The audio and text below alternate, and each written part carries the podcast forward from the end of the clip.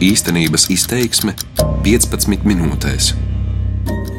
1941. gada 14. jūnija izsūtījumā cieta vairāk nekā 15,000 Latvijas iedzīvotāju. Mūsdienu cilvēkam par šiem notikumiem mēdz pastāstīt vecvecāki, daudz stāstu ir pierakstīti represētu atmiņu grāmatās, vēl daudzi noglabāti tikai atmiņās un palikuši nemaz neizstāstīti. Es esmu Latvijas radio piecēlvē žurnāliste Inese Pučeka, un pirms gada mēs aicinājām atsaukties cilvēkus, kas varētu un vēlētos dalīties savas ģimenes stāstos par izsūtījumu.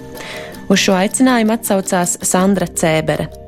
Man ir tāda sajūta, ka īsti tās vēstules vairs nepieder man jo viņas savā ziņā ir jau kļuvušas par tādām, kas pieder tautai, ne tikai man. Vēstules, par kurām runā Sandra Cēbere, ir viņas vecās mātes Katrīnas sūtītās un saņemtās 15 gadus ilgā izsūtījumā Sibīrijā. 1941. gada 14. jūnija notikumi izpostīja Katrīnas ģimeni. Viņas vīru aizved uz Vietlagu, viņu pašu uz Krasnojārsku, bet divi dēli, Jānis un Ēriks, palika Latvijā. Mans dzīves piepildījums bija mana ģimene. Jā, tā tas bija kādreiz senos laikos. Daudz gan no dzīves vairs negaidu, bet ir jādzīvo. Zinu, ka ir pats pēdējais laiks sākt domāt par bērniem. Tas ir fragments no Katrīnas vēstules kādam draugam. Sandra ir Katrīnas dēla Jāņa meita. Šīs vēstules, ko Sandra lasa, un fotografijas ir vienīgais, kas ļauj uzzināt, kā dzīvoja viņas vecā māte un kāda viņa bija. Katrīna nomira, kad Sandrai bija tikai gads. Lasījumam bija jāraud, jo pirmkārt tā ir tā kā, nu, manas ģimenes vēsture un, un, un vispār aptvert to, kāds ir tas kāds ir tas stāsts visai latviešu tautai, jā, un ne tikai latviešu. Un, un tas, tas kaut kā ļoti, ļoti tā spilgti izgāja cauri sirdī. Kad tikos ar Sandru, jautāju, kāda viņas prāt varētu būt bijusi Katrīna. Tumšiem matiem viņa bija tādiem, manuprāt, pareiziem sejas vaipstiem, diezgan kalsna, garu taisnu degunu, tumšām uzacīm. Pēc vēstulēm varbūt vairāk liekas, ka viņa ir tāda diezgan tāda ieturēta un, un, un skarba bijusi, bet es pieļauju, ka tas arī ir dēļ tā visa dzīves stāsta. Varbūt pārāk mīlumu neatļāvās izrādīt, bet cik es atceros, ko mamma ir teikusi, nu, ka pret mani viņa vienmēr bija ļoti mīļa un jauka un sauc mani par putnēnu. Tā kā nu, tāda sirsnība viņā bija, un varbūt vienkārši ārēji centās tādu, lai apkārtēji apstākļi nesalaustu, centās būt tāda stingra varbūt. Sandras vecmāma savus dēlus nevarēja satikt 15 gadus. Tas radīja nesadziedējamu plaisu viņu attiecībās, ko varēja just arī tad, kad viņa jau bija atpakaļ Latvijā. Jānis savai meitai Sandrai par vecāku izsūtījuma gadiem arī daudz nav stāstījis. Visvairāk informācijas ir vēstulēs, un tās Sandra nu jau var nolasīt neraudot. Nu jau viņa vēlas ar tām dalīties. Tagad, protams, ka es tā mazliet attālināti, ja es viņas lasu, varbūt tik ļoti neiedziļinoties un neiejūtoties, jo nu, tādi apstākļi savādāki.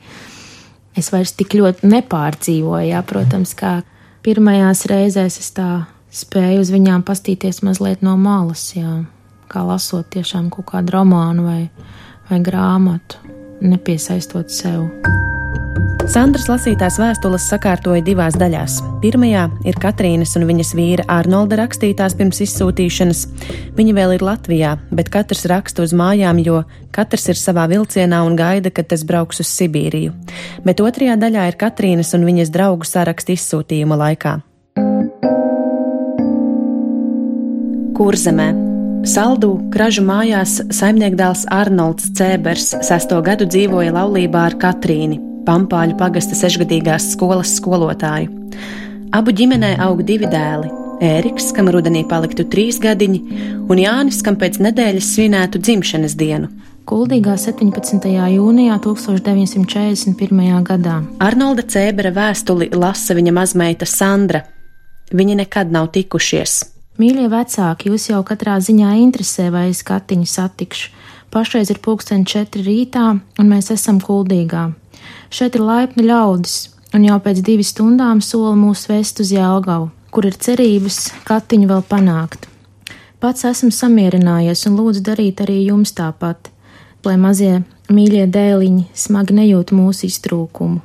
Saka Erikam, ka mamma un tēvs drīz pie viņiem atbrauks. Nākamā vēstule rakstīta pēc trīs dienām, 1941. gada 20. jūnijā. Jūs domājat, ka esmu jau tālumā, bet patiesībā var rakstīt jums vēl tepat no kuldīgas. Priecīgs nu gan es par to neesmu, jo vislabāk gribētu būt kopā ar Katiņu vilcienā. Kaut gan man šeit klājas ļoti labi, tomēr es ik brīdi domāju par saviem mazajiem puisīšiem un jums. Neskumstiet un gaidiet Jāņus, piezvaniet uz klosteri, lai atbrauc kāds ciemā. Būs kāda pārmaiņa, jūs ātrāk samierināsieties. Sveiciniet visus mājas ļaudis, mīļas bučus ar sveicieniem puisīšiem un jums, Arnolds. Arnoldu Cēberu izsūtīja no Pampāļu pagasta kražu mājām 1941. gada 14. jūnijā. Nākamā gada oktobrī viņš mira Kirovas apgabala Vjatlagā. Izsūtījums izjauca ģimeni. Arnolda sievu Katrīni aizved uz Krasnojārskas apgabalu, bet bērni palika Latvijā. Mani mīļie, mīļie, šorīt esam Jālgavā, nezinām nekā, kas ar mums būs. Domāju par saviem mīļajiem un sirds liekas nevarēs izturēt. Ko dara mans mīļais Jānītis, ko dārgais Ērikiņš? Kaut vecpapīts un vecmāmītis spēt par jums parūpēties. Kur jūs tagad dzīvojat? Vai jums nav grūti? Vai Arnoldiņš pārbrauca? Ak, es nezinu, es nekā nesaprotu. Domājiet paši, kā jūs bērniņus savāksiet, ko darīsiet. Mīļas bučus jums visiem! Ak, Dievs palīdzi! Lai vecpapīts vai kāds cits savāc, vismaz bērnu mantiņas, kas ir skolā, Tur ir bērnu ziemas mētelīši un botis un kurpītis. Citādi bērniņi nosals. Man bērniņu fotografijas savācija, tās arī ir skolā, spoguļu, atvilknē ir daudz bildīšu. Ak, mani mīļie, mīļie! Katrīna izsūtījumā pavadīja 15 gadus. Kā izskatās Latvijā, viņas ģimenes mājās, kā klājas tuviniekiem un dēliem, Katrīna varēja vien iztēloties no draugu sūtītajām vēstulēm. Sandra turpina lasīt vēstules un savu vecvecāku dzīvi no tām liek kopā kā puzles gabaliņus. 1945. gada 24. aprīlis.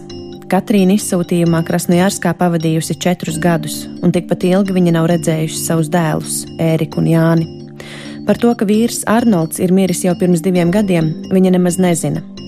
Saikni ar dzimteni Katrīna uztur sarakstoties ar draugiem, kuri var kaut mazliet pastāstīt par dzīvi Latvijā. Turpinājumā Katrīnas draudzenes Hertas vēstule. Mīļš, mīļš sveiciens no dzimtenes. Jūsu vēstuli saņēmu vēl vakar vakarā. Esmu ļoti priecīga, kad jūs esat dzīvi, un es jums varēšu kaut ko pastāstīt par jūsu maziem mīļaļiem. No tā laika, kamēr Krievu karaspēks ir Rīgā un Vācu karaspēks palika kurzemē, es par saviem un arī par jūsu piedarīgajiem neko nezinu. Zinu tikai tik daudz, kā no decembra mēneša Krievi iegājuši pampāļos. Ar Arnoldu jums vajadzēja satikties, jo viņš aizbrauca dažas dienas vēlāk kā jūs. Pēc jūsu aizbraukšanas mazais Jānīts drusku slimoja. Eriks savā mazā bērna prātā nevarēja saprast, kamdēļ mamma nebrauc mājās un kādēļ vecā māte un vecais tēvs raud. Bet cik tas ir tiešām dīvaini, kad lielās bēdās aug dubulti spēks. Jūs nevarat iedomāties, kāds spēks radās vectēvam un veco mātei un ar cik lielu mīlestību viņa audzina jūs bērniņus un gaida jūs mājās. Vecā māte Ērika ļoti smuki ģērba un mazais kā bumbiņa ripoja no istabas pagalmā. Ēriks ir ļoti kustīgs un smaidīgs, blondiem matiem, zilām acīm. Patiesībā priekš puikas par smuku. Jānīts ir mazāks ar gaišiem matiem un ļoti, ļoti mīlīgs. Jūs gribējāt kaut ko zināt par Rīgu. Rīga ir ļoti daudz cietusi no kara. Daudz sēkas sagrautas un cilvēku aizbraukuši un vāciešiem aizvesti. Vai jūs tur esat daudz latvietis? Es katrā ziņā aizsūtīšu kādu grāmatu. Kā ir ar naudu, vai var sūtīt?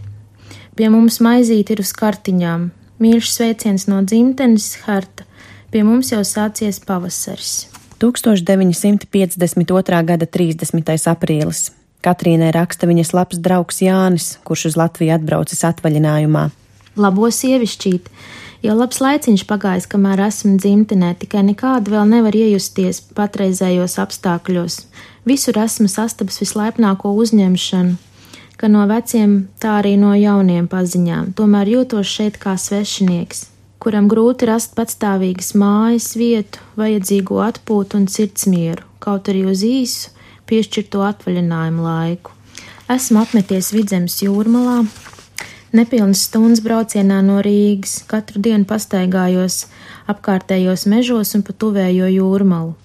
Pāris dienas esmu sauļojies un bradājis pa jūras ūdeni, barojies ar rūgušpienu, olām, krējumu un zivīm. No zaļbarības pārdošanā salātu un redīsi.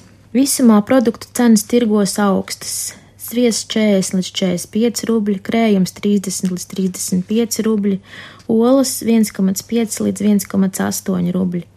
Gaļas samārā maz un padārga. Veikalos lielā izvēlē apa, veļa un kokvilnas audumi. Labu vilnas drānu neredz. Ar vislabākajiem vēlējumiem jums, māsiņai un Andrītim Jānis. 1952. gada 26. augusts. Izsūtījumā pavadīti jau vairāk nekā desmit gadi, bērni jau pusauģu vecumā. Katrīna atbild uz Jāņa vēstuli. Lielā satrauktībā izlasīju jūsu vēstuli un nezināju, kā sevi mierināt. Nekādi nevar iedomāties, ka man ir tik lieli dēli. Domās es viņus vēl ar vienu redzu tādus, kādus atstāju, mazus un ļoti, ļoti mīļus bebīšus. Pēc kā gan viņi izskatās? Jums vajadzēs gan man kādreiz visu sīkāk izstāstīt. Mans dzīves piepildījums bija mana ģimene. Jā, tā tas bija kādreiz senos laikos. Daudz gan no dzīves vairs negaidu.